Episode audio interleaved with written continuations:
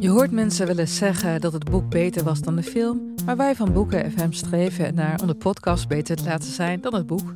Wij lezen de klassiekers die je nog niet gelezen hebt. We lezen de boeken die je heel graag wil lezen, maar waar je eigenlijk voor schaamt om in het publiek mee gezien te worden. We lezen de Libris-winnaars. Uh, we praten over de Nobelprijslariaten. Allemaal zoals je een etentje hebt, dat je moeiteloos mee kan praten en dat het lijkt alsof je helemaal belezen bent. Wij zijn Ellen, Joost en Charlotte van Boeken FM en je kunt ons luisteren in je favoriete podcast-app. Zijn gedachten. Want de Europese heersers zouden met elkaar een eeuwige vrede moeten sluiten, omdat je bij elkaar hoort. Waarbij hoort toewijding, vrede stichten, mildheid. Elkaar accepteren, maar ook dat intellectuele debat in Europa. Dat is nog niet zo'n hele slechte spirituele erfenis van deze scheepstimmermans zoon uit Utrecht. Dit is Betrouwbare Bronnen met Jaap Jansen.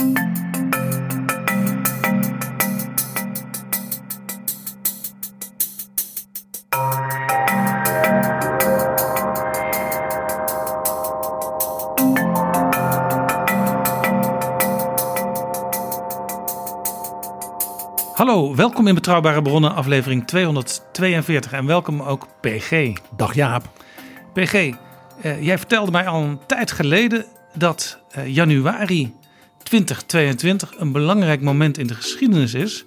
Want dan is het precies 500 jaar geleden dat een Nederlander, een man uit Utrecht, Adriaan Boeiens, tot paus werd gekroond.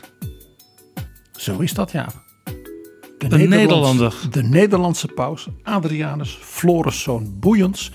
En die man was misschien wel in de voorbije 500 jaar de Nederlander met de meest unieke machtspositie, politiek, eh, cultureel, maatschappelijk in het Europa van dus de voorbije eeuwen ook politiek en dus ook als paus natuurlijk hoofd van de wereldkerk, maar daarbij natuurlijk ook hoofd van dat gigantische machtsapparaat en dat enorme netwerk dat heel Europa en in zijn tijd ook begon dat de hele wereld te omspannen. Ja, en hij is maar heel kort paus geweest, 600 dagen.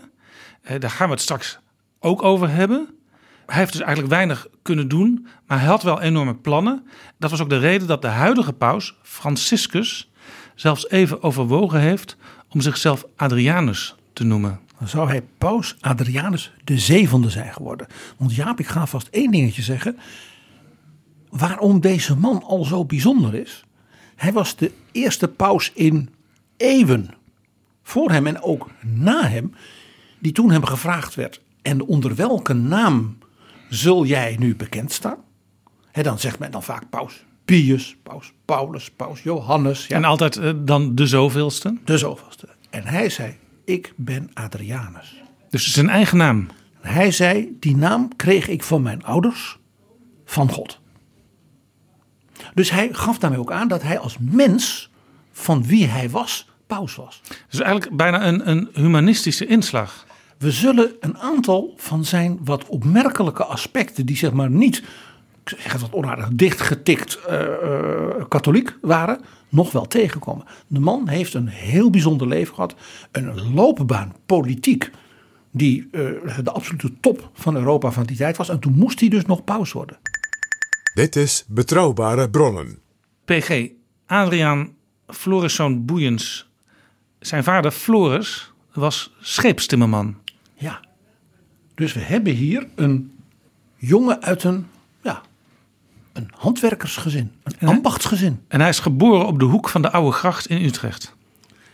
En toen hij dus zo hoog steeg in Europa in die tijd, heeft hij dus ook, hij is er nooit geweest, het paushuizen laten bouwen. Ja. In Utrecht als een soort hoofdkwartier voor zijn, wij zouden zeggen voor zijn netwerk in de Nederlanden. Maar omdat hij toen hij paus was geworden zo snel overleed, is hij er zelf nooit meer geweest. Maar het feit dat het dus nog altijd zo heet, paushuizen, is een soort, is een soort echo in de geschiedenis nadien. Dat men dus besefte hoe bijzonder het was dat een, ja, de zoon van een ambachtsman in deze stad.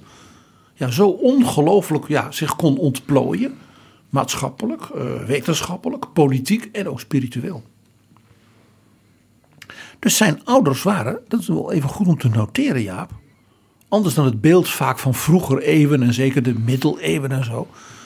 Van de adel en de, boeren en het domme volk dat onderdrukt werd. Zijn ouders waren dus mensen uit, wij zouden zeggen, de maakindustrie. Dat waren ambachtslieden. Dat was dus eh, een enorme sociale mobiliteit. Die had dus een zoon die goed kon leren. Die ijverig was. Die dus naar de Latijnse school ging. Toen zelfs naar een bijzonder goede school in Deventer. Die fameus was. Die dus dat soort jongens. Een soort beetje de eliteschool voor kinderen die niet van de elite waren. Hoe werd dat betaald? Want de, de, de ouders konden het niet betalen, denk ik. Nou ja, de, de scheepstimmerman betekende niet, niet dat je een arm iemand was. Je was echt een, wij zouden zeggen, een, een top ambachtsman. Maar dat werd natuurlijk heel vaak werden dat soort kinderen, als ze dus ja, als hun talent werd ontdekt, dan werd er dus eh, door de kerk of door uh, de stichtingen en dergelijke, werd dan zo iemand eh, natuurlijk geprotegeerd. En het was duidelijk dat deze jongen ja, niet was geboren in de wieg gelegd om scheepstimmerman te worden. misschien had hij wel een jongere broer of zo die daarvoor in was. En dat hij dus al heel snel ja, iemand was die natuurlijk zich zou kunnen ontplooien uh, ook wetenschappelijk, hè, uh, intellectueel. En dat liep dan natuurlijk via de kerk. Dus dat hij een, dan als ware een priesterwijding zou gaan krijgen. Misschien wel monnik zou worden. Hè, dat, zullen zijn ouders misschien wel gedacht hebben. En men schonk zo'n kind dan aan God, zoals dat heette. En dat was ook voor zo'n familie uh, ja, toch een soort stapje op weg naar de hemel ook als je dat deed. Dat was een soort offer dat je bracht, maar waarvoor je dan ook voor beloond zou worden. Zo dacht men in die tijd zeker. Maar ja, je ziet het, iets anders. Wij zeggen dan nu een opmerkelijke vorm van sociale mobiliteit. Wat was Nederland toen voor een land in Europa en, en hoe zat de wereld in elkaar? 500 jaar geleden. Ja, hij is geboren in 1459. En ja, dan gaat bij jou een lampje branden. Ja, je zou kunnen zeggen het einde zo'n beetje van de middeleeuwen. Ja, zeker hier in de, zeg maar, het noordelijke Europa in het zuidelijke Europa, Italië allereerst natuurlijk, was natuurlijk de renaissance al hè, volop intellectueel, cultureel uh, gaande. En ja, uh, ik zei het al, 1459 geboren. Dan denk je, ah, dat is dus een tijdgenoot van Machiavelli. Ah ja. We gaan in dit verhaal, op een aantal keren zul je merken, eerdere afleveringen van onze podcast over die bijzondere tijd, zeg maar tussen 1450 en 1550, weer herbeleven, maar nu via deze jonge Nederlander, die van scholier naar de absolute toppen reist. En als jij Machiavelli noemt, dan, dan impliceert dat dus ook dat hij eh, ter wereld kwam in een tijd waarin ook het bestuur gemoderniseerd werd. Heel Europa ging door een golf van revolutionaire modernisering op alle mogelijke terreinen de stad Utrecht, waar hij geboren was, waar zijn vader dus schepen bouwde, timmerde. Ja, dat zegt al iets. Dat was dus een deel van die rijke, urbane Nederlanden, maritiem. Hè, dus het beroep van zijn vader zat als het ware in het hart van zeg maar, de economie, maar ook van de modernisering. Want in die tijd was ook zo dat de schepen. Uh, uh, ja, uh, sterk geïnnoveerd werden. Hè. Dus de, de, Portugezen gingen in die periode, hè, na 1450, met hun caravel, zoals die scheepjes heten, naar Azië, naar Brazilië, heel Afrika omheen. De Nederlanden, die ontwikkelden hun schepen zo, hè, dat je dus de enorme vaart op de Oostzee, de Noordzee uh, en tot in Italië. Dat was een hele belangrijke route ook voor het graan uit de gebieden van de Oostzee, via de Nederlanden Golf van Biscayen, Gibraltar naar Italië. Ja. Dus je zou kunnen zeggen, de pasta van het Italië van de Renaissance kwam door de scheepjes van, uh, nou ja, Floris Boeiens en zijn mensen ja. uit het graan van. Dus je zou kunnen zeggen dat de, de jonge Adriaan, die zag eigenlijk de globalisering via zijn vader al voor zijn ogen zich ontwikkelen. Ja, daarbij speelde nog iets dat ook de Nederlanden in die periode door een belangrijke ook politieke ontwikkeling ging. Want dat rijke urbane gebied, dat ja, toen al lag waar het nu ook ligt. De hele wereld komt hier ja, in de delta van Rijn en Maas en Schelde. Dat was toen net zo. En was natuurlijk in de handen gekomen van de, het huis van Bourgondië. Het rijke, machtige uh, Franse uh, vorstendom. Ja, het midden tussen Duitsland en, en, Frankrijk in feite hield tussen Zwitserland en Luxemburg. dat was Bourgondië. En dat kreeg die Nederlanden erbij. Dat betekent dus dat de Nederlanden, als het ware, zowel economisch als politiek, het, als ware het, het brandpunt van Europa werden. Daar kwam nog bij door de huwelijkspolitiek en door overlijden, hè, want die dingen gingen natuurlijk vaak samen. Werd dat Bourgondische huis, inclusief de Nederlanden, onderdeel van een nog veel groter gebeuren, de familie Habsburg. En de familie Habsburg had in diezelfde periode, want zo gingen die dingen, zich ook nog gekoppeld aan het Spaanse koningshuis. En door huwelijken en door overlijden werd dat ineens geïntegreerd.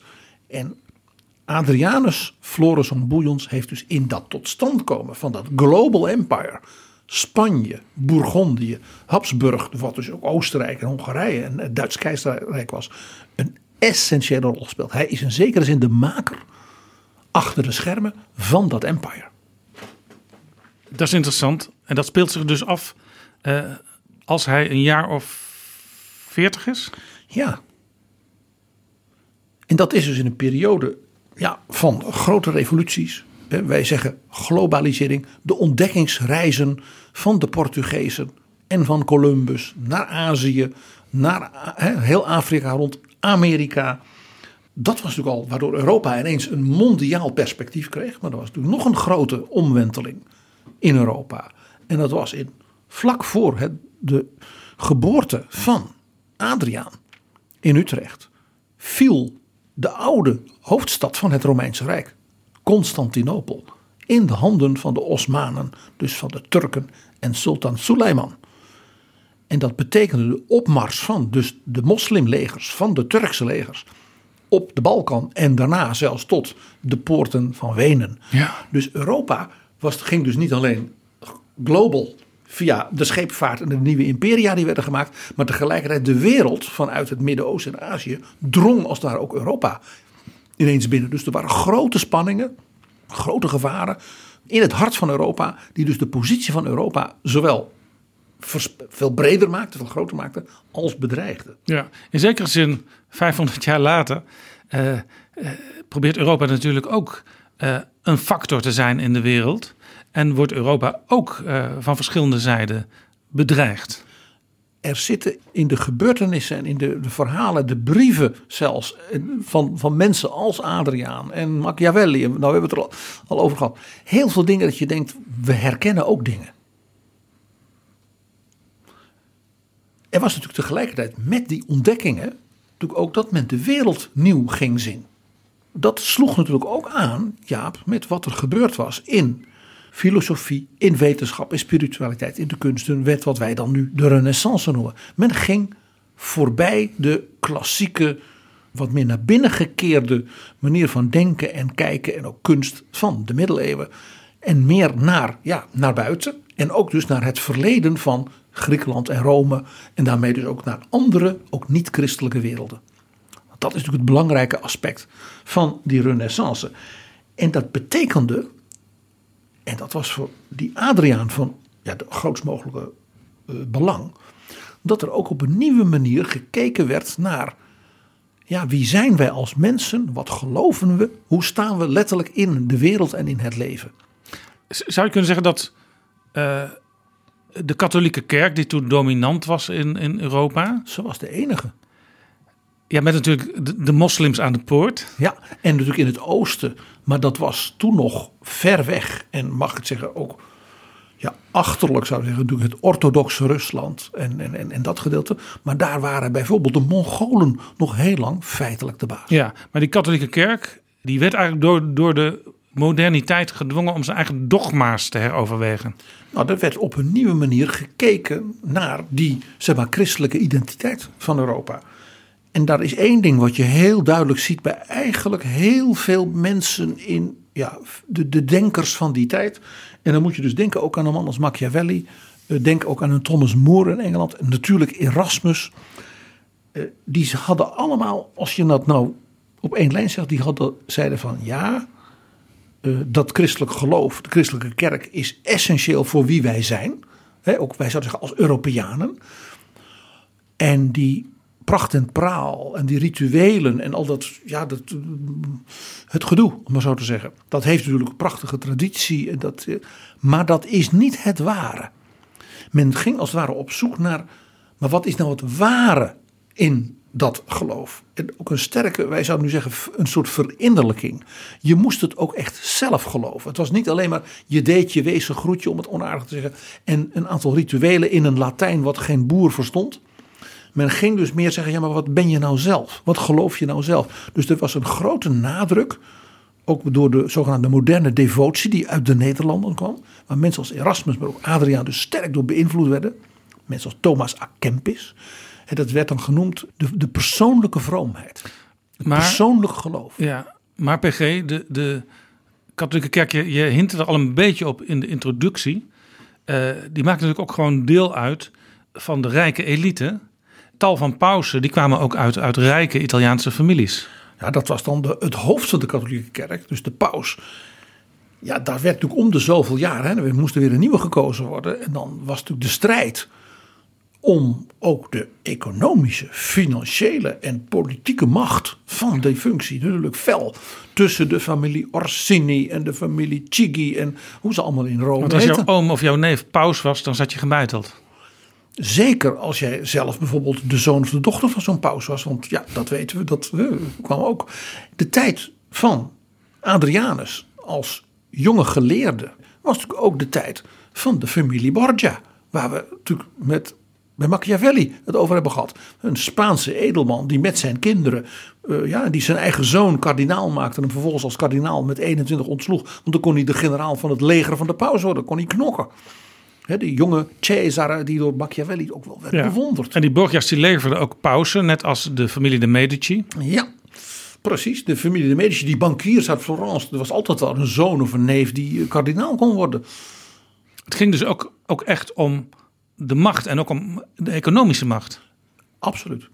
De paus was een machtsfactor. En ook een economische machtsfactor. Want uit heel Europa werd natuurlijk geld verzameld om de kerk te onderhouden. Wat ging de jonge Adrianus eh, doen in het leven? Nou, hij ging studeren. En hij was begaafd. En dus wat deden ze? Hij moest maar naar de beste plek in de Nederlanden gaan.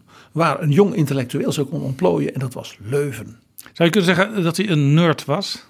Eh, ja, maar geen beta-nerd. een alpha-nerd. Eh, hij werd theoloog. Wat in die tijd een van de klassieke wetenschappen was. En dan moet je bij theoloog moet je denken, dus dat is, dat is voor een deel dus filosofie, maar voor een deel ook dus de oude talen. Dus dat was een heel brede soort studie, waarbij dan natuurlijk wel de bedoeling was dat die studie ja, zeg maar, als vakopleiding gericht was voor de topjongens in de kerk. Ja, ja, ik las dat hij zelf ook ging doseren in, in Leuven. Ja, al Eh, heel jong. Vrije kunsten. En dat zou je misschien kunnen vertalen in wat we tegenwoordig liberal arts noemen. Letterlijk. Jaap, vrije kunsten, dat zijn de liberal arts. Filosofie, dialectiek, ethiek.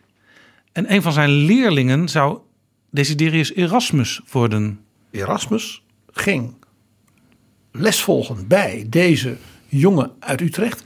Net als Erasmus ook iemand die dus door ongelooflijke sociale mobiliteit uit een relatief, dus niet aristocratisch, niet feodaal milieu, gewoon op grond van zijn kwaliteiten, dus een meritocratische, zouden wij zeggen, sociale mobiliteit, omhoog kwam. Dus in Leuven ontmoette Adrianus van Utrecht Erasmus van Rotterdam. Ja, dus de grootste zeg maar, intellectuele netwerker van die tijd, Erasmus. En de machtigste Nederlander, ja, die dus op de, op de troon in Rome zou komen. En daarvoor, hè, daar gaan we het over hebben, achter de troon van de allermachtigste heerser zou functioneren. Die waren dus vrienden, die hadden met elkaar dus geleerd Ja. Elkaar ontmoet in een, in een lokaal in Leuven. in Leuven. En nou ja, de, de, de, de Katholieke Universiteit van Leuven bestaat nog steeds. Is nog steeds een absolute topuniversiteit. Nu ook in de beta-vakken. Maar dat was toen al natuurlijk echt een brandpunt. Daar kwam natuurlijk ook bij de ligging van Leuven. Leuven is natuurlijk vlakbij Brussel.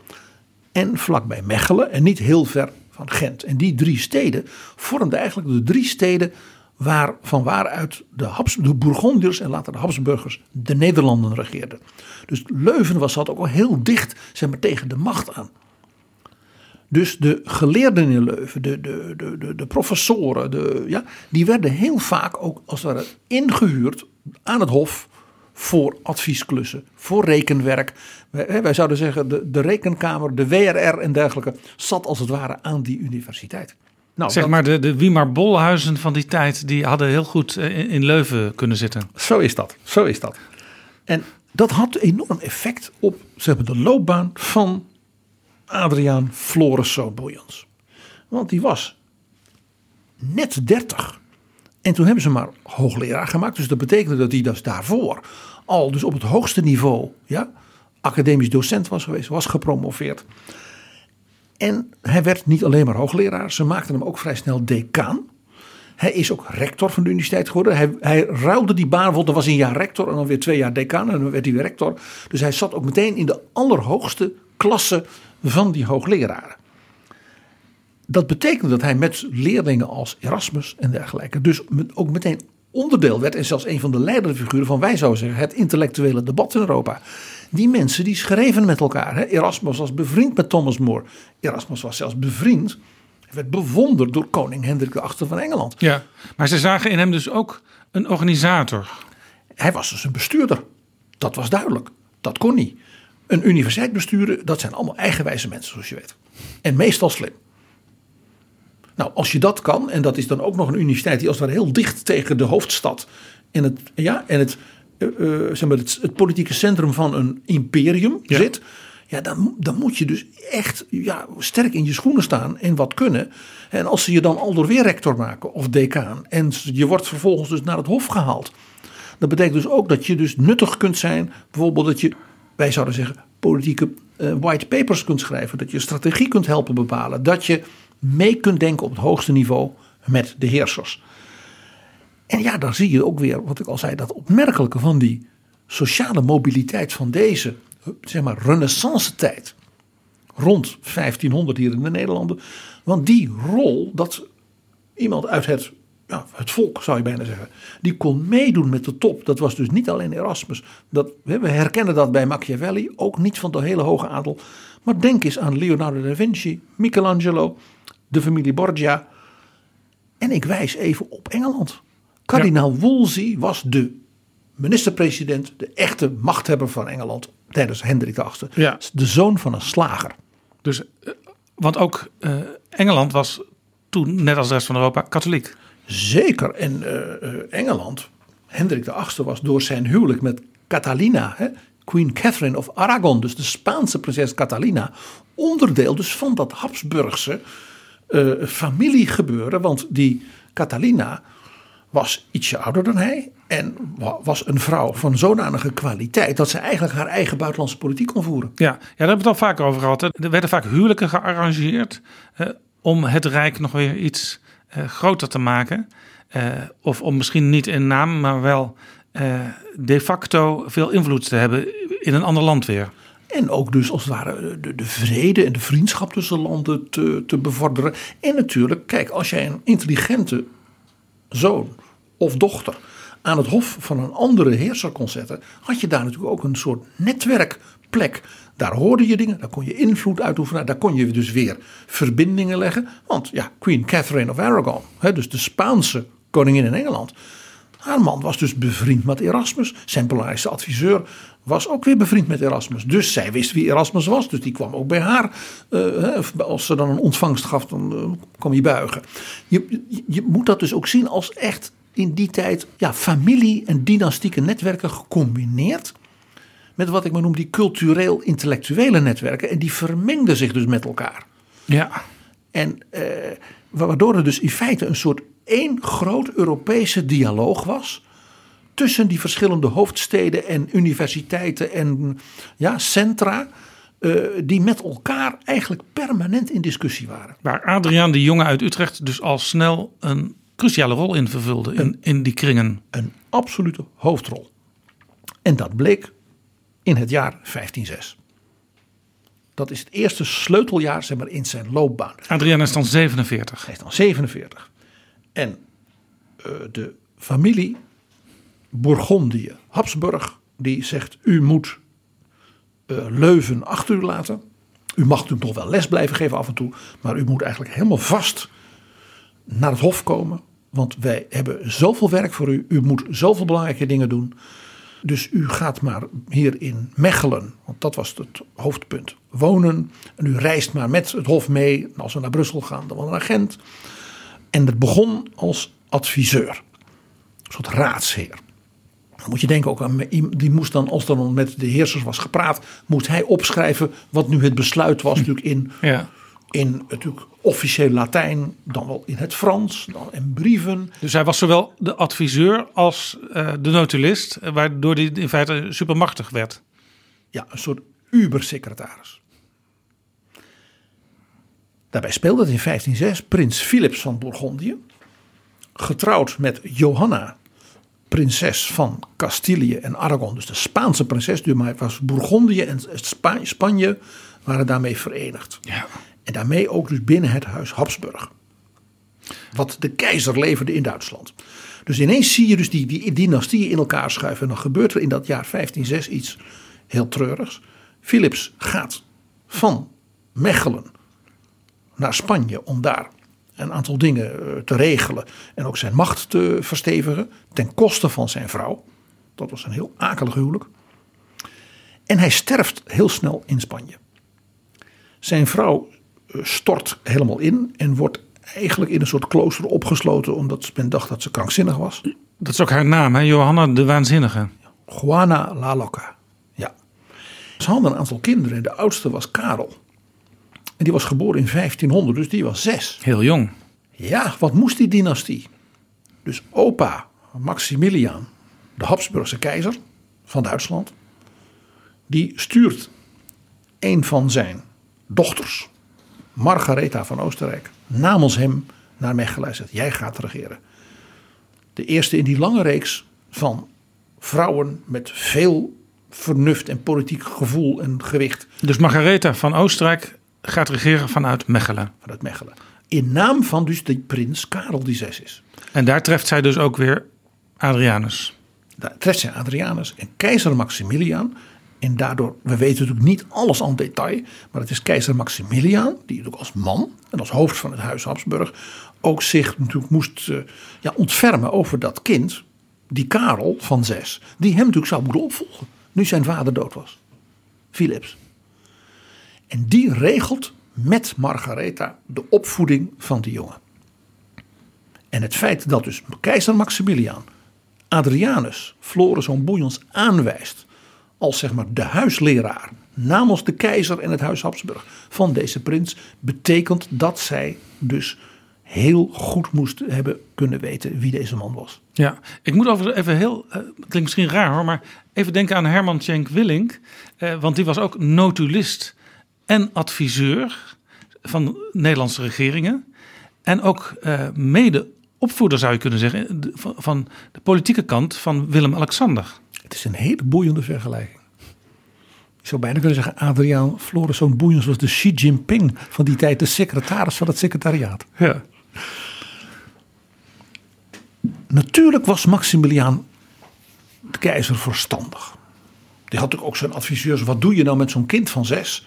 Dat moet worden ja, klaargestoomd voor ja, het koningschap van ja, half Europa. Dus die zette Adrianus daar neer. Maar die zette er ook Willem de Croix neer. Dat was een edelman, zeg maar, wij zouden zeggen een Waalse edelman. Dus een beetje Franstalig. Ja. En die deed eh, voor die jongen het opvoeden in hoe gedraag je je als aristocraat. Waar moet je op letten in politiek handelen?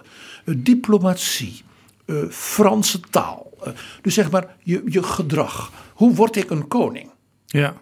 Dat hoeft dus Kon hij wel een beetje nog zichzelf blijven? Want het, het lijkt me vreselijk als je meteen op je zesde al, al die adviseurs om je heen hebt. Ja, dat is, dat, daar heb je gelijk aan. Had, er was nog een derde leraar. Die was er voor, wij zouden zeggen, de beta-vakken. En Adriaan was er dus voor de alfa-vakken. Dus veel geschiedenis, eh, Latijn, de Bijbel. Maar ook, ja, ook een beetje persoonlijkheidsvorming. En we weten van prins Karel, die wij natuurlijk in de geschiedenis kennen als keizer Karel V. Ja. De koning van Spanje, die wij altijd hebben geëerd dat hij, ja, dat hij het eh, Adriaan later zij pas echt is gaan waarderen. Dat was toen al als jonge jongen. Hij zei, maar hij heeft later in veel brieven gezegd: had ik maar bij vader Adriaan, noemde hij hem, pater Adriaan, Ja. maar beter opgelet. Want ik was ook een kind en ik wou ook spelen en ik was dol op jagen. Dat was hij ook, dat mocht hij dan ook. Hij zei, maar ik had beter moeten opletten. Want ik merk nu als keizer, als heerser, dat ik bijvoorbeeld bepaalde finesses in Franse onderhandelingen en in dingen waar dan een slimme eh, eh, eh, diplomaat ja, mij dan probeert te manipuleren. Dan denk ik, hoe, wat zei dan ook al Ja, vader Adriaan waar ik op moest En letten. toen hij dat dacht was Adriaan natuurlijk al lang overleden. Ja, maar dat is heel interessant. Dus, dus hij heeft die opvoeding die hij kreeg eh, eh, heel erg ja, weten waarderen daarna. Hij heeft zich dus niet ja, zeg maar, heel een soort verschoppeling gevoeld of heel eenzaam gevoeld. Hij was natuurlijk ook aan, aan dat hof, ook bij Margaretha. Dus hij had ook wel familie om zich heen. En had natuurlijk zijn broers en zussen. Ja. Nou, dit was natuurlijk meteen, dit klinkt natuurlijk, ach wat mooi en wat nobel. Nou, tuurlijk, tuurlijk, dat was ook zo. Maar het was natuurlijk ook het belang van de dynastie dat die jongen goed werd opgevoed.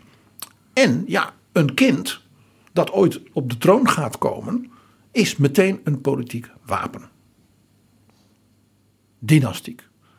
Dus met twee jaar werd prins Karel, nog voor dus Adriaan eh, hè, zijn leraar was, al uitgehuwelijkt. Met twee jaar. Met twee jaar werd hij verloofd met aan de, de Franse prinses Claude. Arme jongen. Ja, of arme Claude. Maar er ontstond toen, en dan zie je ook weer die, hè, dus die politiek-strategische kant hiervan. Toen hij dus zes was en wees, moest dus Margaretha als tante en opa Maximiliaan bepalen wat gaan we nu doen. En Maximiliaan en Margarethe hebben een permanente soort strijd met elkaar gevoerd. Altijd in het nette natuurlijk, in brieven en adviezen en memoranda. En daar zat Adriaan dus midden tussenin. Wat gaan we met die jongen doen? Wij zouden bijna zeggen, aan wie gaan we hem zijn hand verkopen? Gaan we dus kiezen voor een alliantie van Habsburg, Spanje, Nederlanden met Frankrijk als grote machtig koninkrijk, maar ook rivaal? Of zeggen we, ja, vanuit de Nederlanden bezien, eh, er is natuurlijk ook nog dat Engeland van Ja. Catalina van Aragon, dus de koningin van Engeland, die dus familie is. Dus die hoort er eigenlijk een beetje bij. En Frankrijk zijn rivalen. Engeland was toen het beeld, dat is familie. Ja, ja want eh, En die hadden ook een prinses, prinses Mary. Ja. dat, dat, dat Habsburgs-Bourgondische huis, dat had dus eh, een heel groot deel van Europa in handen. Eh, alleen Frankrijk was daarvan uitgezonderd. En Frankrijk was dus ook Noord-Italië in die tijd. Dat was, de- dat was pro-Frans. Dat waren Franse. En daar staat ook vaak Franse legers. Ja, allebei katholiek overigens. Alle twee katholiek, want dat- dat- iets anders had je niet. En eh, dus, dus Frankrijk was een rivaal, zowel zeg maar, als groot land, maar ook om de macht in Italië. En ja, je begrijpt het, want daar speelt dus ook de positie van de paus en al die Italiaanse steden.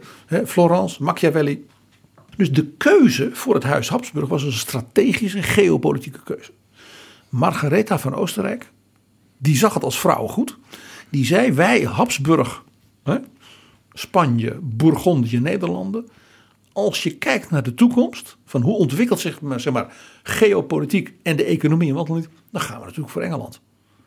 Want de Nederlanden en Engeland zijn alle twee maritiem. Ja, daar zit een grote economische bloei en innovatie. Als we die aan elkaar kunnen klinken, is dat, dan worden wij als Huis Habsburg ja, onverslaanbaar machtig. Ja, en dan heb je ook het voordeel eh, dat je elkaar niet hoeft te bekampen. Precies. En Frankrijk weet, kan dan zijn plaats wel kennen. Want dat wordt dan eigenlijk helemaal omringd door hè, Bourgondië, de Nederlanden, Engeland en op zee, en Spanje en Italië.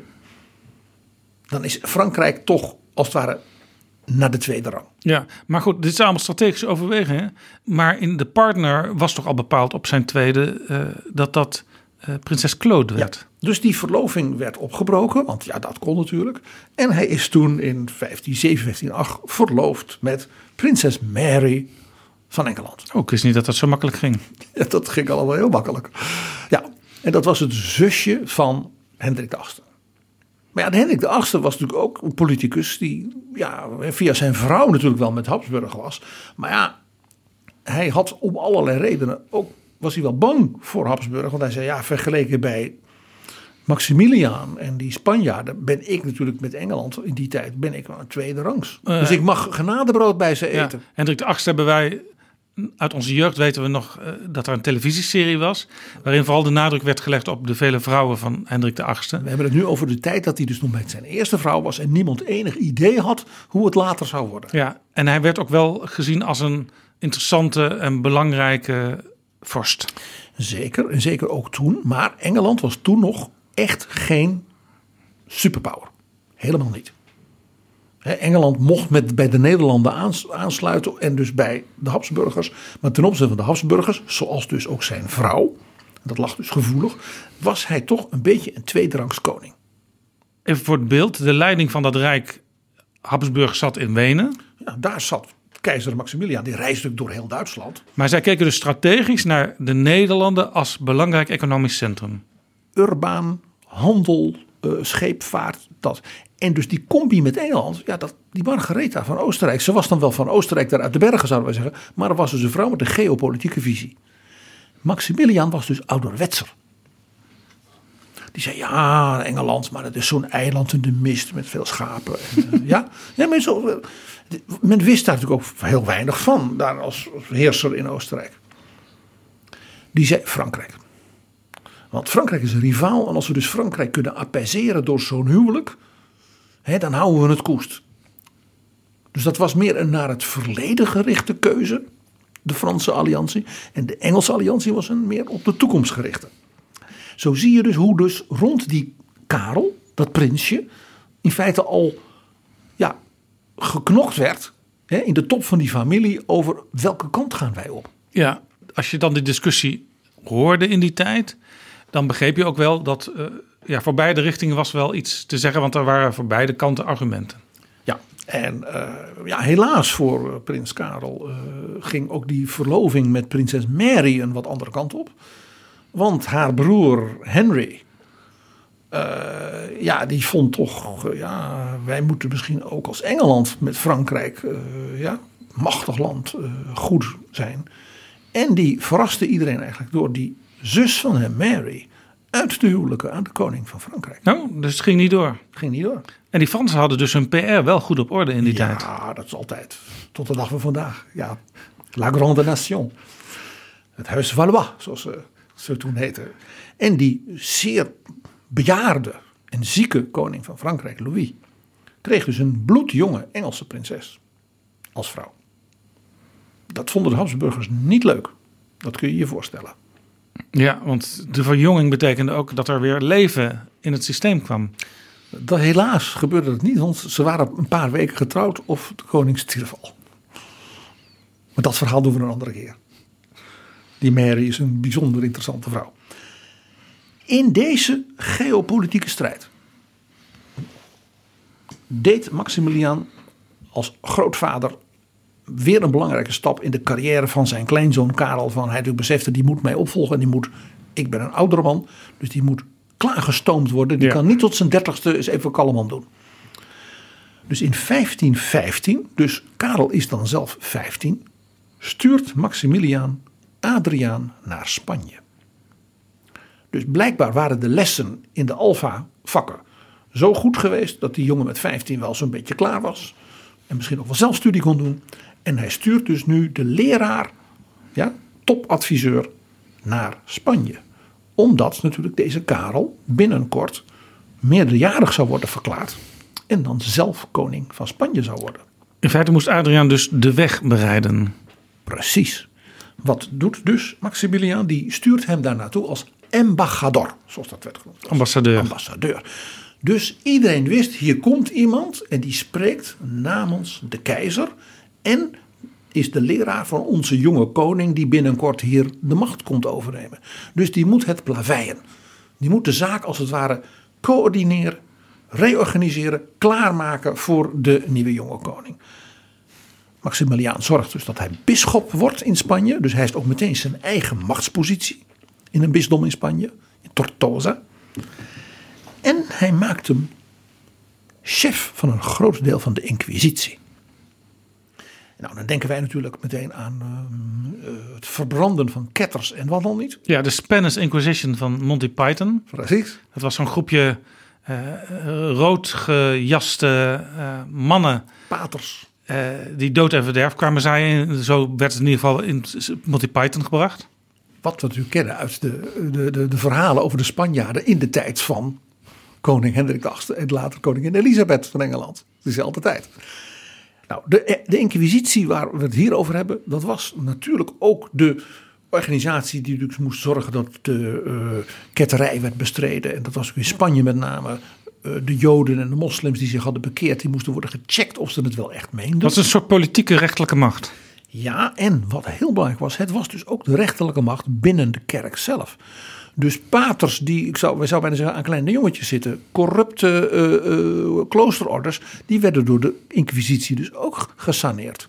En Adriaan was duidelijk daar om als het ware de kerk eh, zeg, te helpen reorganiseren, eh, te saneren van dingen die zo een beetje waren ingeslopen. Zodat die jonge koning met een strak, goed georganiseerd, ja, geoutilleerd apparaat aan de slag kon. Ja, maar ik denk ook dat die inquisitie, die moest dan ook weer van een zekere ethiek worden voorzien.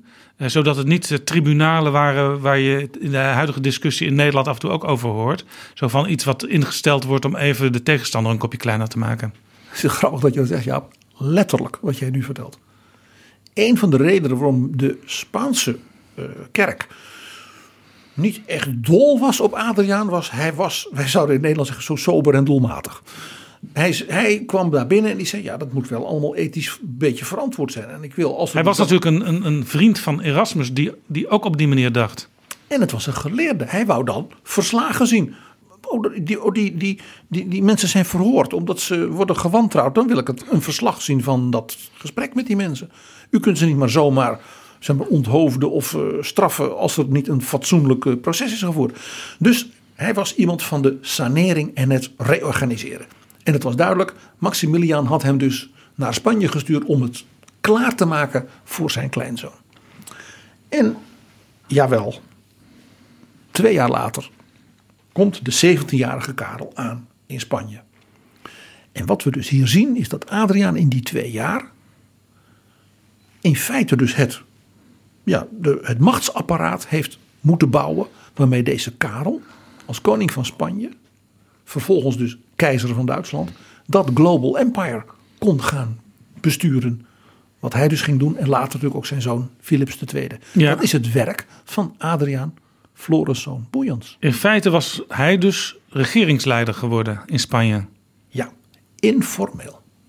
Maar iedereen wist, als Adriaan sprak, sprak Maximiliaan en zou straks ook Karel spreken. Ze hebben dus van alles geprobeerd om ook de wicht te drijven tussen Karel en Adriaan. Natuurlijk. Ja. Er was namelijk al een kardinaal, namelijk van Toledo, dus de grote oude hoofdstad. Die was als het ware een soort minister-president van Spanje. In, ja, terwijl dus die koningin ja, min of meer gek opgesloten zat in dat klooster. Dus die kon doen wat hij wilde. En ineens had hij die strenge Nederlander die zo precies was. En zo sober. En het moest, ja. Dus het knetterde tussen die twee. Ja. Maar Adriaan had dus een hele beminnelijke eh, intellectuele manier. Dus die is met die man in gesprek geraakt. En toen bleken ze dus alle twee de ideeën van Erasmus over een, over een vrome, eerlijke kerk te delen. Dus die grote Spaanse kardinaal, die dus die Nederlandse eh, diplomaat, eh, theoloog wantrouwde, ontdekte dat ze in de grote lijn van hoe moet het verder met de toekomst van de kerk, eigenlijk hetzelfde dachten. En daardoor konden die twee toch met elkaar. Aha. Dus dat was ook weer heel diplomatiek van, van Adriaan. Hij ging die Spanjaarden niet te veel tegen de haren instrijken. Nou, Karel komt dan in 17 in Spanje aan. Het is dus duidelijk dat hij daar dan tot gekroond zal worden tot koning. En dus ook zelf zou gaan regeren. Ja, want hij is dan, we zouden nu zeggen, volwassen. Ja, hij was minderjarig verklaard toen hij 15 was geworden. En dan zie je een heel interessant moment. Over de verhouding tussen Karel en Adriaan. Wat heel Spanje ook meteen moest begrijpen. Bij aankomst wordt bekendgemaakt dat de paus Adriaan heeft verheven tot kardinaal. Ja, paus Leo X. Paus Leo X. Dat was dus duidelijk door Maximiliaan de keizer gewoon geregeld. Dus zijn kleinzoon komt aan om de macht over te nemen in Spanje. En de man die het had voorbereid wordt tot kardinaal benoemd. De zoon van een scheepstimmerman. Hè? De verhouding was dus zo dat de paus uiteindelijk wel moest buigen voor wat de wereldlijk leider bepaalde. Nou ja, hij moest dus die eens wat gunnen. De koning van Frankrijk, waarschijnlijk ook de koning van Frankrijk, een van zijn leermeesters, was ook kardinaal geworden. Hè, er ging altijd weer een kardinaal dood, dus er moest weer een plek worden gevuld. Dat spel, en daar liet de paus zich ook voor betalen. En ja, ach ja, hè.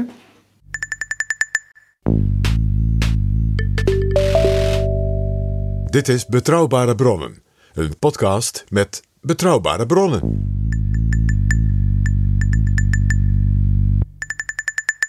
Karel komt aan in Spanje. En in november van dat jaar 1517 is hij in de kathedraal van Valladolid de eregast bij de officiële intronisatie, zoals dat heet, van Adriaan als kardinaal. Dat was natuurlijk een enorm ge- gebaar. Ja. De koning die daar als gast zijn leermeester tot kardinaal ziet wijden. Dan moet je wel echt politiek een onbenul zijn als Spaanse edelman of machtige eh, ja, figuur. Dat je niet begrijpt hoe de verhoudingen zijn. En als je het dan nog niet begreep, even daarna, februari 1518, is dan de officiële kroning van Karel tot koning. En wie staat er achter de troon? Waar hij dan op mag zitten met zijn nieuwe kroon. Met in zijn handen de Bijbel. De kardinaal Adrianus.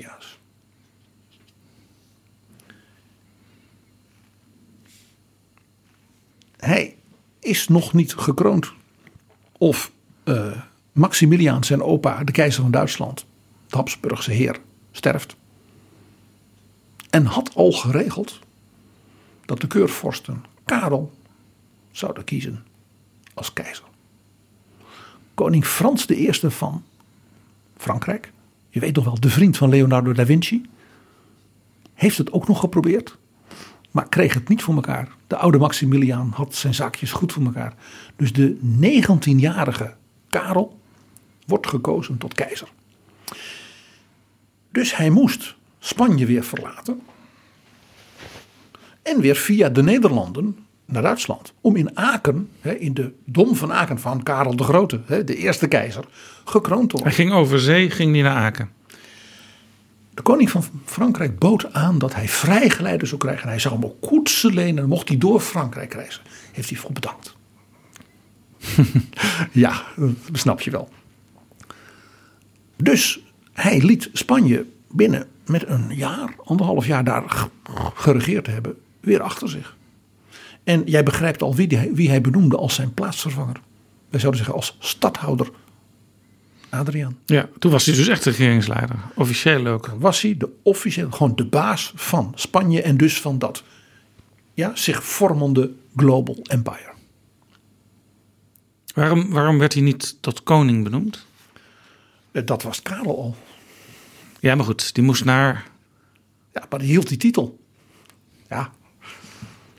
En bovendien een, een, een, een prelaat die aan het celibaat moet doen, die dus geen kinderen kan krijgen, die maak je geen koning. Dus hij werd regent van Spanje. Ja, het was ook waarschijnlijk het idee. eh, Spanje hoeft geen aparte koning te hebben, want ze kennen de keizer al. Dus hij, hij is het. En heeft iemand die namens hem het volle gezag kan uitoefenen. Nou, dat was ook nodig, eh, Jaap. Want eh, hij ging dus naar Duitsland. Je weet, daar moest hij meteen als jong keizer de Rijksdag in Worms voorbereiden. Waar hij zei, ja, er is veel gedoe in de kerk. Opstandige eh, protestanten, die protesteren. Ja, met die monnik, die Luther. En eh, dat eh, gaat niet goed. Dus ik nodig hem uit om ja, een soort lezing te houden en in debat te gaan met de, ja, de intellectuele eh, eh, woordvoerders van de paus. Dus Karel ging in gesprek met Maarten Luther. Ja, de Rijksdag in Worms, 1521. Om natuurlijk de eenheid van het Rijk te bewaren. Dus hij had alle, alle aandacht voor dat belangrijke deel van zijn machtsgebied. Ja, dat, dat is interessant, want Adriaan, die ergerde zich ook, misschien zou je kunnen zeggen, net als Luther, aan eh, de verwording in zekere zin van de kerk, eh, waar ze maar aan het feesten waren, eh, eh, drankgelagen, drinkgelagen, van alles. Kinder, kinderen. eh, De, de, we hadden het al in het begin van Ja. deze aflevering over eh, de verbindenissen tussen de allerrijksten en de top van de kerk. en ja, de, de erfenis toch ook van de familie de Borgia hè, in, in Rome. En Adriaan die toch eh, in gesprek met Erasmus ook wat, wat meer ethiek weer in de kerk wilde brengen. Dus in zekere zin was er wel een soort van verwantschap ook met bezwaren die Luther uitte tegen de katholieke top. Luther, Erasmus en Adriaan hadden in de kern dezelfde zorgen en kritiek. Ja, er is zelfs een, een Nederlands toneelstuk eh, gekomen in 2017 van theatergroep Aluin, de hervormers. En daar laten ze, ja, het- is fictief, maar daar laten ze eh, Erasmus en Adriaan eh, met Maarten Luther in gesprek gaan. Dat is best aardig gedaan. Ja, maar ik zei eerder al, er was ook in feite de facto sprake van een soort intellectueel discours in heel Europa over dit soort dingen. En Erasmus was daarin natuurlijk zeker in de intellectuele eh, topper. En Adriaan dus ook zo'n intellectuele topper, maar die was ook nog een politieke topper. Ja, want Erasmus werd eh, later in de geschiedenis ook een beetje toegeëigend, eh, bijvoorbeeld in Nederland door de humanisten. Ja, kijk, Erasmus was, was dus ook kritisch. Hè, de, denk aan zijn boek De Lof der Zotheid. Waarin hij dus ook een heleboel misstanden in de kerk eh, aan de kaak stelt. Met, met humor, maar wel heel scherp. Een boek wat ze allemaal lazen. Iedereen, het was, was een enorme, enorme hit, zal ik maar zeggen. Een bestseller. Maar de analyse van Erasmus. Dat de kerk als het ware zichzelf moest vernieuwen, moest versoberen. eh, ja, was helemaal natuurlijk wat Adriaan in feite in Spanje via de Inquisitie kwam doen. Dat Luther heel fel, heel ja, polariserend als het ware eh, de aanval zocht. Dat vond Erasmus niet verstandig. Eh, Erasmus vond Luther een schreeuwlelijk. Maar hij zei heel veel van zijn kritische kanttekeningen. Zeker tegen de, wat jij ook zo noemt, de verwordingen, de geldzucht en de, het seksgedoe in de kerk. Hij zei, hij zei hè, dat is geen kuisheid, geen vroomheid. Hij zei, daar heeft die Luther natuurlijk gewoon gelijk. Ja. En Adriaan en Erasmus, dat weten wij, dat waren vrienden. Die, die waren in een soort permanente ja, En discours Karel eh, ik ging dus in Worms in gesprek met Luther. En die deed Was dat dus- ook op advies van Adriaan? Nou, het is in elk, dat weten we niet. Het is in elk geval in lijn natuurlijk met laten wij op niveau een dialoog zoeken. Dus hij nodigde Luther uit, een gewone monnik. Die bovendien als ketter, als het ware, ja, dus door de kerk als het ware de- eruit gegooid was. Dat de keizer zei: laat hem komen, laat hij zijn verhaal doen. En een monnik, dat betekent dus ook soberheid Gewone jongen, zouden wij zeggen. en, en ook wel isolatie. Hij, hij, hij was waarschijnlijk niet aangesloten bij dat globale netwerk. Nou, dat, hij was natuurlijk een van de jong- top jonge intellectuelen onder de monniken in Ja. Duitsland. Dus hij was heel bekend. Dus, dus juist wel. En, en daarom dat hij, dat hij ook tegen de paus zei... eh, eh, stuurt u dan een aantal van uw meest briljante eh, jonge curie-kardinalen of theologen... die met hem in debat gaan. En dan ga ik wel beoordelen wie gelijk heeft. Hier hoor je dus in de jonge keizer Karel van 19... de leerling van Adriaan ook mede geïnspireerd dus door die wat afstandelijke analyse van Erasmus. Ja, en dat was natuurlijk ook zo. Ze moesten ook wel iets met die Luther. Want eh, de boekdrukkunst was inmiddels eh, uitgevonden. En eh, je zou het kunnen vergelijken met de komst van internet in onze tijd. Iedereen kon heel snel eigenlijk kennis nemen van de gedachten van Luther. Zoals iedereen ook de lof der zotheid als bestseller in Europa kende. Ik zei al, dit was dus een tijd van enorme revolutionaire veranderingen. En je ziet dus hoe dus mensen als Erasmus, Adriaan, dus die jonge keizer, als het ware, nou ja, begeleiden in van hoe vind ik mijn weg en hoe zorgen we dat die zaak niet uit elkaar valt. We moeten vermijden dat er een ja, wat er dan later toch kwam, godsdienstoorlogen. En, en Erasmus was natuurlijk een man van de vreedzaamheid en dat was Adriaan op zijn manier ook. Op één ding na, koning Karel was Spanje nog niet uit of er ontstond een rebellie in Spanje. Want de steden en een aantal provincies die zeiden... Nou, hij is weg, die Hollander, want hij werd een Vlaming genoemd. Men, men vond niet dat hij een Spanjaard was, die Karel. Hij was ook opgegroeid in Gent en in Mechelen. En Waarschijnlijk vonden ze hem ook eh, een sobermans. ja, sober, doelmatig. Je raadt het al. Eh, eh, en dat was natuurlijk allemaal de schuld van die Adriaan, die, die, die, die timmerzoon. eh, eh, die dan nog, nog kardinaal is. En hier dus eh, bisschop. En hij is niet van hier. Dus er was een soort anti-Vlaamse eh, eh, en vooral anti-belastingen en modernisering van de belastingen en wat dan niet. En ik moet altijd een beetje lachen, want dan denk ik altijd, het doet wel een beetje denken aan hoe dus natuurlijk 40 jaar later hier in de Nederlanden, zeker, want- maar dan ook vooral vanuit Vlaanderen, weer de anti-Spaanse rebellie tegen de belastingen en tegen de vreemde overheersing kwam. Ja, ja want, want eh, Willem van Oranje die, die eh, verzette zich eh, tegen, of die maakte in ieder geval gebruik van de weerzin die er was om de tiende penning in te voeren. Eh, Adriaan, die had ook al in die tijd zich bezig gehouden met de reorganisatie van de handel in aflaten. Ja. Dus je, dus je kon, je kon eh, geld aan de kerk geven en dan kreeg je een, een soort bewijs van dat je dat had gedaan. Ja. En dat hielp je dan weer eh, in je verdere carrière eh, als katholiek. Ja, dan had je een soort, je kocht dan een soort vroomheidspaspoort. En, eh, en Karel, dat, Dat was een beetje uit de hand gelopen, die handel. Ja, en daar was dus Luther ook heel erg fel tegen. Die zei dat is gewoon een, een massief soort witwas corruptietoestand. En dat was het in een aantal opzichten ook. En Adriaan, ook weer heel grappig, net dus als Erasmus en ook weer een beetje als Luther, maar dan minder polariserend en fel, zei ook dit kan zo niet. Dat moet veel beter. En dat moet netjes, ook weer netjes geregistreerd. Er moet een administratie van zijn. Niet iedereen moet maar zomaar. Want dan, Ja. dan Maar er kwam dus opstand in de Spaanse steden. eh, die wilden het eigenlijk bij het oude laten. Ja, en het doet dus een beetje denken, vind ik grappig genoeg, aan de opstanden hier, hier tegen de Spanjaarden, eh, zeg maar 50 jaar later.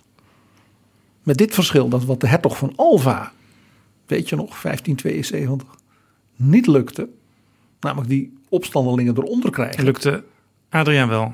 Ja, dus die houdegen uit Spanje, Alva, kreeg het niet voor elkaar. En die milde geleerde uit Utrecht in Spanje wel. Nou, terwijl hij dus die, die rebellie eh, ja, tot, tot bedaren brengt. Er is ook wel een eh, veldslag geweest van eh, troepen die hij eh, had moeten regelen. Tegen een aantal edellieden die zeiden van nou we gaan gewoon knokken. Maar dat leidde tot een, tot een klinkende militaire overwinning van het bewind van Adriaan. Waarmee die natuurlijk in Spanje, maar ook bij zijn leerling Karel en bij al die andere heersers in Europa, dat zeiden van zo, Ja. Nou, hij is mild, hij is verstandig, hij is, maar hij weet ook van aanpakken. Karel heeft daar een voortreffelijke vent neergezet in eh, Spanje als regent. En dan komt tot grote verrassing de datum 9 januari 1522. ja, want Leo de tiende, De Medici-paus, met Een wie Italiaan. Adriaan een, een goede band had, want Leo gaf hem ook opdrachten. Die begreep ook dat als deze man, dus door die, dat huis Habsburg, en ja, op allemaal zulke posten wordt gezet en als diplomaat aan het werk en dingen moet reorganiseren, die kan wat. Die kan Ja. ik voor de kerk ook gebruiken. Die hervorming van die aflaathandel, dat was ook mede op instigatie van Leo de tiende. Exact. Maar die overleed dus in eh, 1521. En toen kwam er, wat Een we nu nog kennen, een conclaaf. En Maar er kwam, In de Sixtijnse maar er kwam heel lang geen witte rook. Er waren tien ronden en er was geen besluit genomen. In de Sixtijnse kapel, waarbij dus die schilderingen van Michelangelo gloednieuw, ja, dat plafond En bekleden. ze hoopten, eh, die, die, al die kardinalen die daar bijeen waren, dat eh, de Heilige Geest over hen vaardig zou worden. Maar dat gebeurde niet. Het duurde allemaal wat lang. En dat had natuurlijk te maken met, ja, waar we het eerder over hadden, de enorme politieke spanningen in Europa. Frankrijk, Habsburg, Engeland. Ja? Dus de politieke strijd om de paus Ja, stoel was laat, heel vast. Laten we eens even heel scherp stellen. Want ik heb al een paar keer benadrukt, en dat was misschien een rare opmerking, maar ik zal hem uitleggen nu. Hij zal, het zal nu blijken waarom ik dat steeds zei. Eh, ik had het steeds over dat al die landen, al die onderdelen van Europa, al die koninkrijken en dat keizerrijk, dat is allemaal katholiek. Maar daarbinnen was natuurlijk strijd om de macht. En als dan het hoofd van de katholieke kerk gekozen moet worden, Het enige, totaal alles Europa overstrijkende apparaat. dan is dat ook een machtsmoment. Maar natuurlijk. Dus de families die ook vertegenwoordigd waren in die kardinalen, die gingen met elkaar de strijd aan van wie mag de paus worden. Welke familie mag de paus leveren? En daar werden alle middelen werden gebruikt. En dat, eh, dat eindigde dus steeds in remise, zou je kunnen zeggen. Ja, dus er moest er altijd weer een compromis worden bedacht. Nu speelde in deze periode dat er ook nog een kandidaat was van buiten Italië. eh, die voortdurend eh, bezig was zichzelf naar voren te schuiven. En daar al zijn zeer machtige politieke en diplomatieke middelen voor inzet. En dat was kardinaal Wolsey. Oh ja, De premier, zouden wij zeggen, van Engeland. Eh, de raadgever van Hendrik VIII. die wilde zelf paus worden. Die wou heel graag paus worden. En het verhaal ging dat hij eh, daarbij vergaande beloften deed. In het geniep natuurlijk. En zich ook liet betalen. Want hij zat in die Sixtijnse kapel op dat moment. Ah, hij was kardinaal. Eh, en aan de koning van Frankrijk. Dus hij zei tegen de koning van Frankrijk: Als u niet uw Franse kandidaat erdoor krijgt. en ik beloof u dat gaat u niet lukken. Want de mensen die op mijn hand zijn, ga ik dus niet op de Franse kandidaat laten stemmen. En de Fransen waren in, denk ik ook in een minderheid. Want ja, dat Habsburgse Rijk was groter. Ja, en de Italiaanse families. eh, Kijk, sommigen konden, gingen met Frankrijk mee, maar dan moest je wel betaald worden. En je had natuurlijk ook nog de, het Spaanse koninkrijk in Napels, wat ook een rol speelt. Nou ja, je ziet het al hè. Dus Wolsey, zo gaat het verhaal, heeft in feite een deal aan Frankrijk aangeboden. Dus een Frans-Engelse alliantie tegen de Italiaanse adellijke families. Een paar daarvan omkopen en dan had je een meerderheid. En die Italianen zeiden, wij willen die Wolsey niet. Die is niet zuiver op de graad. Dat wisten ze, dat voelden ze aan. Die is te slim. Die is te politiek.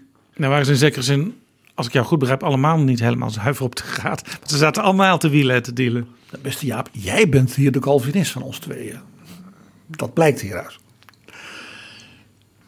En zo kwam men op de briljante gedachte om een compromiskandidaat te vinden. En dat was Adriaan Floriszoon Boyens. Die niet aanwezig was. Terwijl het idee toch meestal is van zo'n conclave dat de paus wordt gekozen uit ons midden.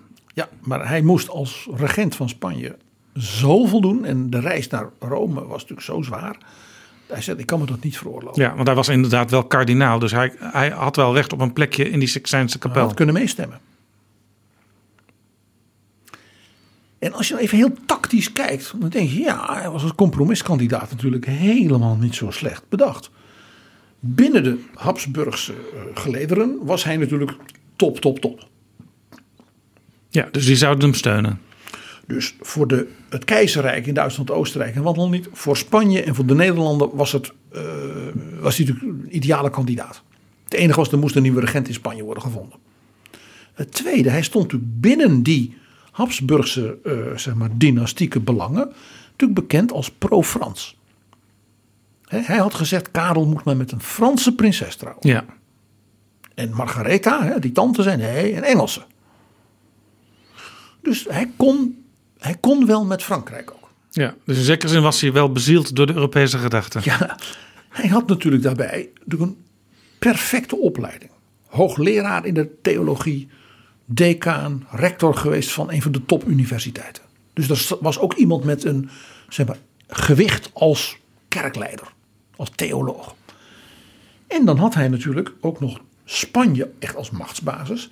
En met bijvoorbeeld een Erasmus ook nog een soort intellectueel netwerk van gelijkgezinden die een soort gematigd, ja, vredestichtend eh, beleid wilden, dat hem natuurlijk kon ondersteunen. Dus hij had ook nog zeg maar, de juiste vrienden, zouden we zeggen, in Europa. Kortom, hij had een CV cum laude. Ja.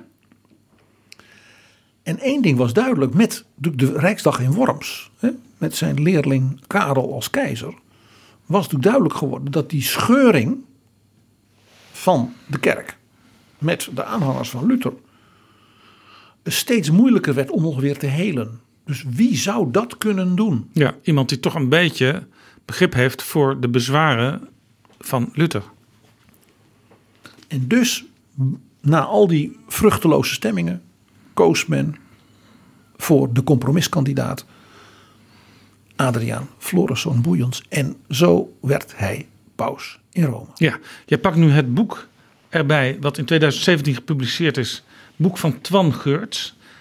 De Nederlandse paus Adrianus van Utrecht, uitgegeven door Balans. Het ligt nu weer vooraan in de boekwinkels vanwege die 500 jaar herdenking van Adrianus, de Nederlandse paus. En ik lees nu voor de brief van Desiderius Erasmus aan zijn vriend Adriaan Floris van Boeions. Toen hij dus hoorde dat hij tot paus was gekozen. De hele wereld kijkt alleen naar u als degene die de rust voor de mensheid terug kan brengen. Het tumult heeft al te lang geduurd en het wordt alleen maar erger. Wij zien hoe de twee grootste koningen vijandig met elkaar worstelen. Hoe er nauwelijks een deel van onze planeet vrij is van oorlog, van moord en plundering. Alles is omgewoeld door wapengekletter, tegenstrijdige opvatting, naijver, partijzucht, haat. En de christelijke wereld is ellendig verscheurd door de dodelijke tweestrijd van secten en afscheuringen. Deze storm vereist absoluut een stuurman van uw kaliber. Ja, dit bewijst dus dat Erasmus hem als de grote verzoener zag.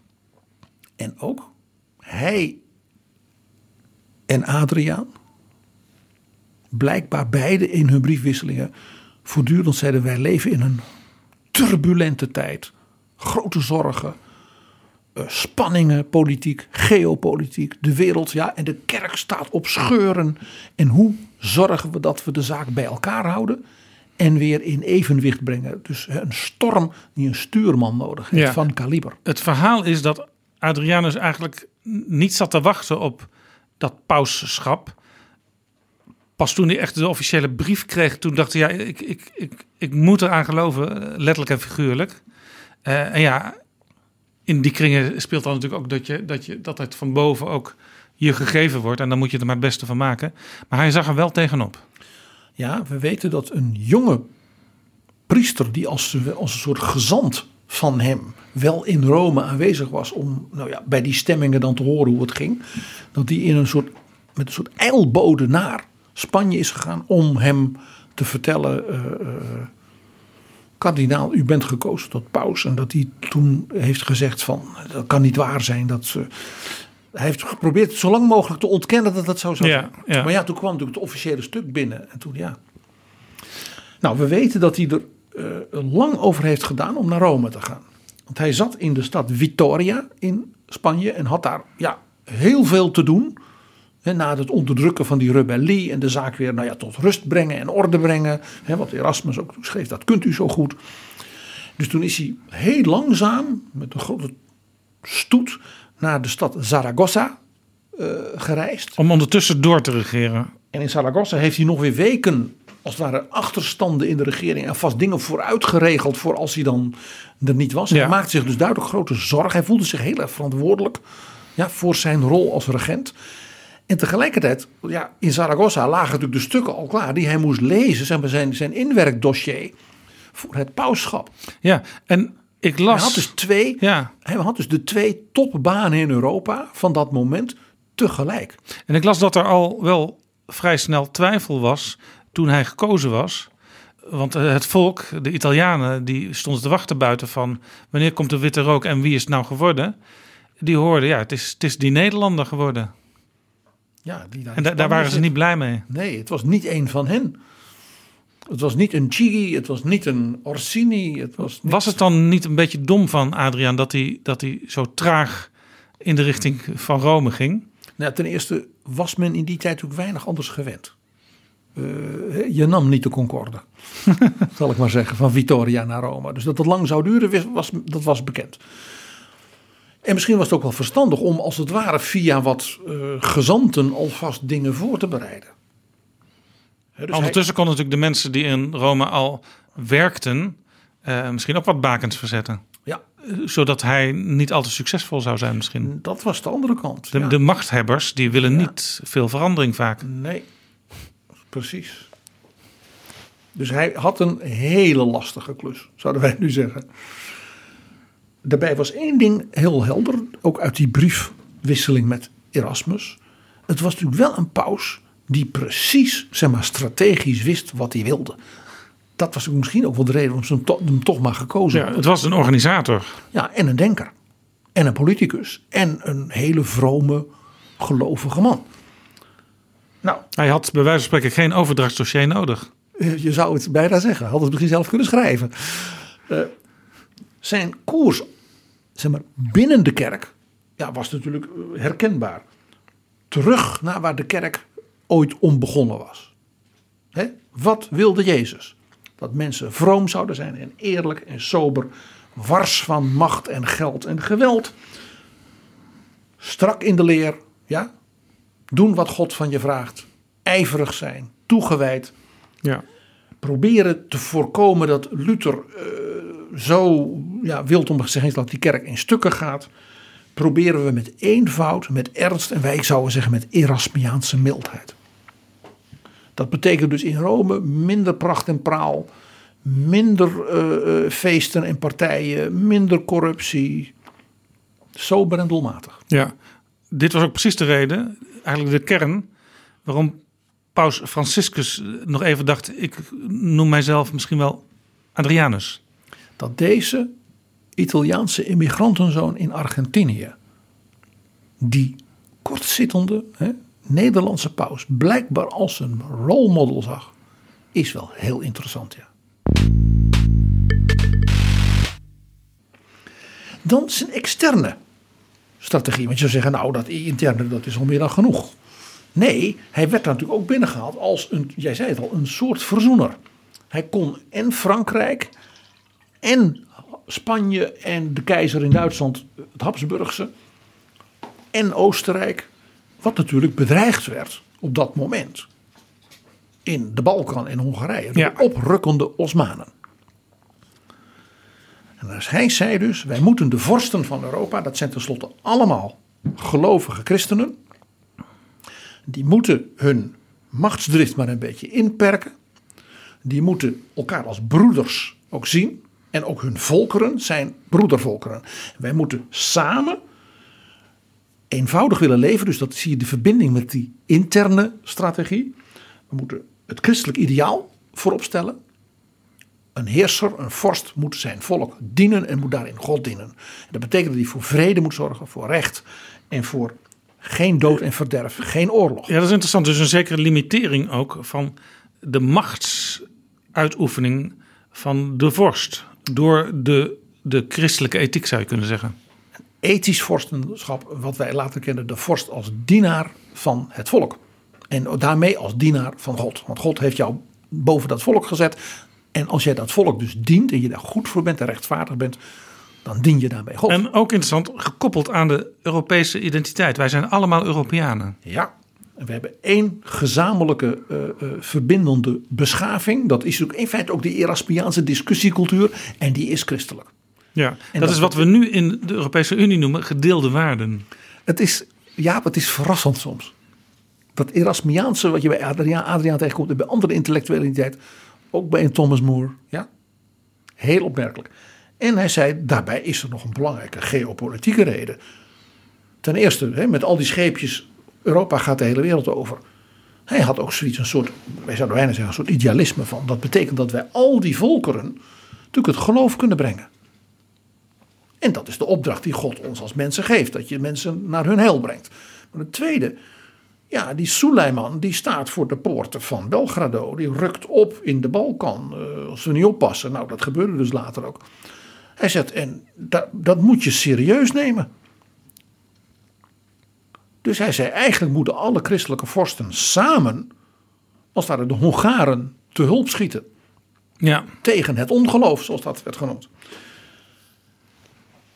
En hij leende hierbij, grappig genoeg, een initiatief van zijn rivaal voor de pauselijke troon, kardinaal Wolsey. Dus het hele, je ziet hem dus als het ware leentje buur spelen bij Erasmus als inspirator. Maar zelfs de slimme diplomaat Wolsey, waarvan hij dacht, een goeie, ik ben ook een goeie op dat terrein. Maar Wolsey ziet dat goed, die zei er moet komen. Dat was een van zijn voorstellen, waarop hij ook, toen hoopte ook paus te kunnen worden. De Treaty of Perpetual Peace. Dus die zei, we gaan een verdrag maken verdrag van voortdurende vrede. eeuwigdurende vrede. Ja. En dat was een soort, wij zouden bijna zeggen, een soort, soort, soort ethische waarden- en normencatalogus. Waarbij alle vorsten zich zouden verplichten dat ze nooit meer met elkaar zouden vechten.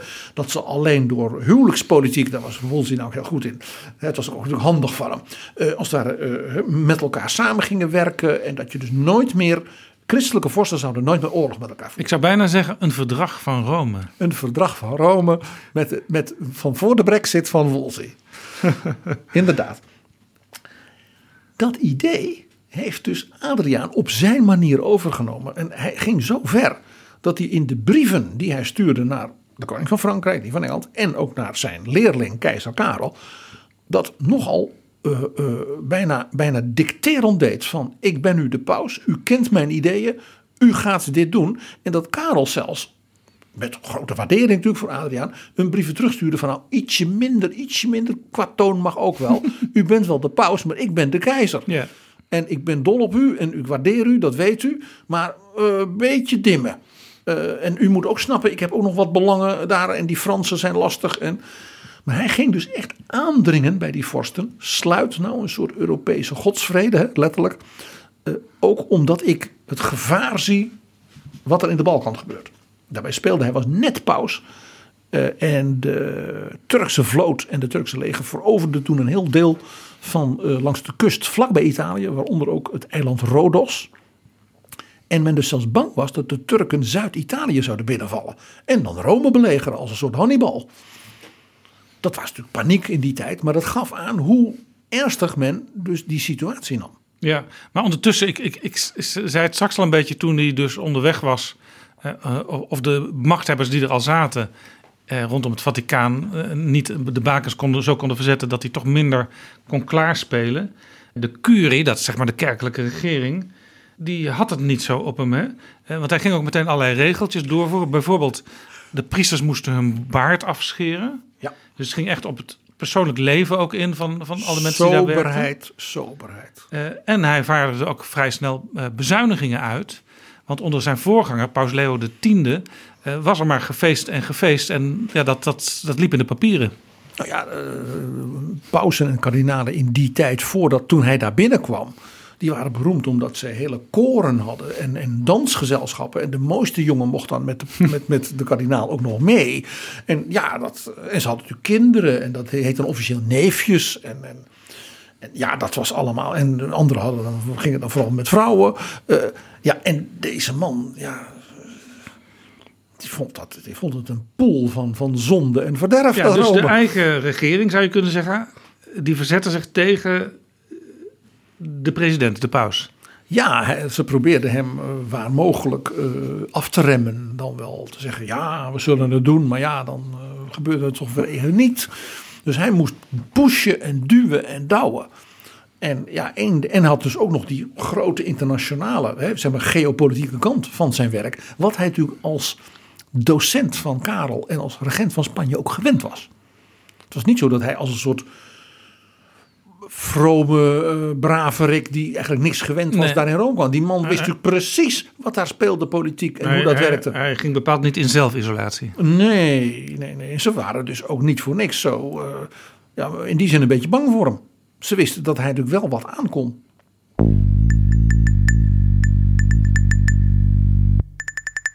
Helaas, want ja, dat is in, deze, in die tijd natuurlijk. eh, hij is ziek geworden. En is al in 1523, eigenlijk in het tweede jaar van zijn pausdom, overleden. Ja. Na 600 dagen. Erg betreurd is hij in Rome niet. Dat was wel duidelijk. Want eh, ja, die, die, die soberheid en die sanering en dat eh, minder feesten, meer bidden.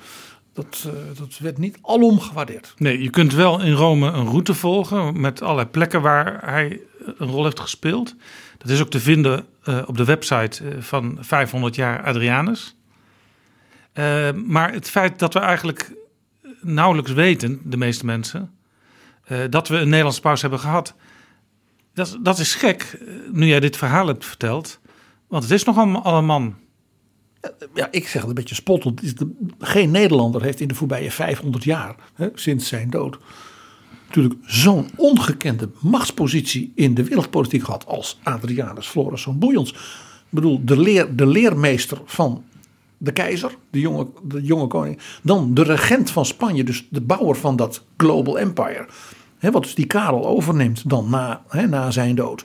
En daarna natuurlijk Philips II, ja, als koning van Spanje uit het Escoriaal. Waar hij dat enorme, ja, wereldomspannende rijk bestuurt. De, hele opbouw daarvan is het werk geweest dus van Adriaan.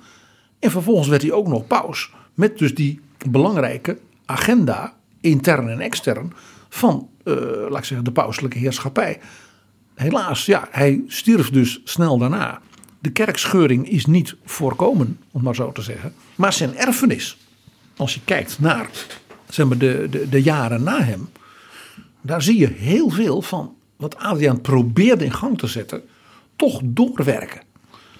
Bijvoorbeeld? Nou, het heeft wel even geduurd, zoals dat heet. Want zijn opvolgers waren vooral van we gaan weer feest vieren. Eh, maar de manier van denken van meer soberheid, focus op vroomheid en eenvoud. Ja, dat was toch de, zeg maar, de, de zeitgeist. De Erasmiaanse gedachte van, die Adriaan ook had. En dat heeft er dus toe geleid dat uiteindelijk de Rooms-Katholieke Kerk eh, ja, zichzelf van binnenuit heeft gesaneerd. Het zogenaamde concilie van Trente. Ja, het was wel te laat. De, de scheuring, scheuring het ontstaan was- van het protestantisme hebben Nee. ze niet kunnen voorkomen. Nee, kon niet meer voorkomen worden. Dus men heeft toen gezegd, dan moeten we in de bestaande kerkelijke organisatie de zaak gaan, gaan, gaan ja, verbeteren. Eh, en toen heb je dus de zogenaamde contra-reformatie gehad van we begrijpen de boodschap van Luther en Calvijn en de zijnen wel. Namelijk de kerk moet dus de mensen aanspreken op dat ze een persoonlijk geloof hebben, niet alleen maar rituelen. We moeten ook de mensen hun hart raken. Nou, dat is de katholieke kerk dus toen gaan doen met de Maria-verering. De Maria-verering is echt een ding van zeg maar, de, de tijd na Adriaan. Geef de mensen niet alleen maar een, ja, een soort abstracte god in die alleen maar Latijn spreekt, maar geef de mensen een moeder. Een vrouw die kwetsbaar is, die verdriet heeft maar die, en een kind heeft. Dat is een heel krachtig, ja, kun je zeggen, Maar dat motto. heeft, dat heeft Adrianus niet bedacht Nee, maar dat is wel dus dat idee. in zijn geest. Dat is wel dat idee sluit aan bij het volksgevoel, bij het geloof van de eenvoudige mensen en bouw dat voort en geef ze daar handvaten voor. In zekere zin, eh, wat Mark Rutte zou noemen, positief populisme. Geloof niet dat we Mark Rutte hier nu als theoloog moeten opvoeren, ja. Wat ook een belangrijk punt was, was natuurlijk met dat Global Empire. Dat idee van, ja, de wereld moet gewonnen worden voor het christelijk geloof. Dus er was een enorm idealisme van wat wij zouden missie en zending. Dat ook na die tijd kwam. Maar dat was dus niet vanuit dat machtsapparaat alleen maar gedacht. Maar uit van, we moeten die mensen ja, hun, hun zielenheil eh, komen brengen. Ja, wat, wat, wat in de vorige eeuw in, in Nederland ook nog eh, speelde bij gelovigen. Natuurlijk, natuurlijk. Eh, En een heel belangrijk punt, het was dus nieuw, de nadruk op dat de jeugd moest worden opgevoed tot fatsoenlijke, vrome, eenvoudige, eerlijke mensen. Dat was daarvoor, ja, dat deed het dorp. Maar de kerk ging toen als ware zich echt nou ja, bezighouden met hoe zorgen we dat de jeugd. En toen kreeg je dus bekende eh, kloosterorders, die dus waren vooral voor jongens, geef ik toe. Eh, de scholen, de kostscholen. Denk aan de paters Augustijnen en denk aan de paters Jezuïeten. Hè, Die vaak ook voor de, de, zeg maar, de bestuurlijk, intellectueel briljante jongeren als het ware. Hè, die ze selecteren. Dus dat is toen ontstaan, want daarvoor had je alleen nog maar dorpsschooltjes, Ja. zou ik maar zeggen. Ja, en natuurlijk de universiteiten van de middeleeuwen en van de renaissance. Ja. Maar dat echt een soort, soort bijna een soort, soort eh, eh, eh, universele strategie van het opvoeden van de jeugd vanuit de kerk, wat ook in feite dus ook een, ja, een Europees iets was. Niet alleen maar in het land zelf of in het dorp. Dat is ook van die tijd. Ja, en het tweede, ik wees er eerder al op, dat koning Philips II van Spanje. Daar vind ik altijd verrassend, ja, Adriaan dingen in. De opvoeder van zijn vader. Die enorme soberheid. Die ijver. Dat workaholic. Ja, dat 17 uur per dag bezig zijn met. Ik moet een rechtvaardig koning zijn. Ik moet alle stukken lezen. Ik moet zorgen dat dat klopt. Ja. Ja. De, de, ook een beetje de uberbureaucraat die hij was. Eh, dat past veel meer bij het type Adriaan. Zo'n geleerde die niet ja, eh, sober, eenvoudig. Ja, dan een vorst die lekker feest viert en oorlog voert en jaagt. Ja, concluderend, PG. Het is niet voor niks dat we nu Adrianusjaar hebben, 500 jaar Nederlandse paus. En het is ook niet voor niks dat we daar nu een hele aflevering van Betrouwbare Bronnen aan hebben gewijd. Want Jaap, ik blijf erbij. Zijn gedachten, mede geïnspireerd door Thomas More en Wolsey. Van de Europese heersers zouden met elkaar een eeuwige vrede moeten sluiten, omdat je bij elkaar hoort. Waarbij hoort toewijding, vrede stichten, mildheid. Elkaar accepteren, maar ook dat intellectuele debat in Europa, zoals met mensen als Erasmus. Dat is nog niet zo'n hele slechte spirituele erfenis van deze scheepstimmermans zoon uit Utrecht. Dankjewel, PG. Eh, als je meer wilt lezen over Adrianus van Utrecht, lees dan het boek van Twan Geurts, uitgegeven bij Balans. Een heel mooi boek, ook eh, mooi vormgegeven.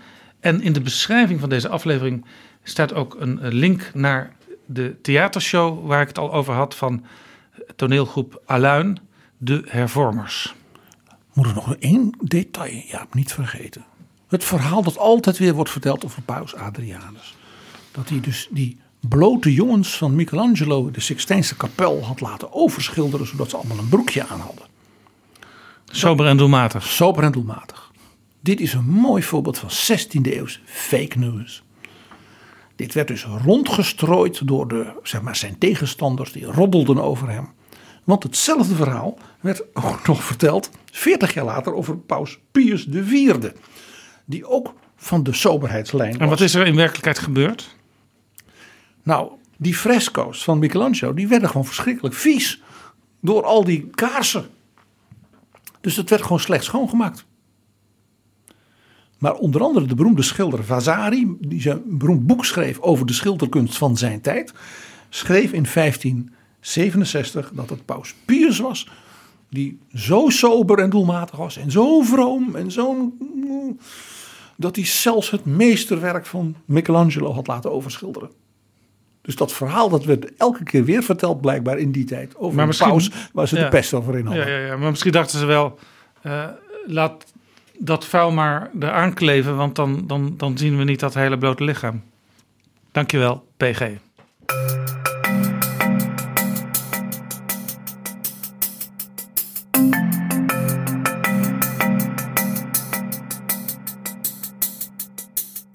Zo, dit was Betrouwbare Bronnen aflevering 242. Deze aflevering is mede mogelijk gemaakt door de vrienden van de show. Luisteraars die met een donatie nog veel meer afleveringen in de toekomst laten verschijnen. Wil jij ook vriend worden? Dat kan via vriendvandeshow.nl slash bb. Tot volgende keer. Betrouwbare bronnen wordt gemaakt door Jaap Jansen in samenwerking met dag en nacht.nl.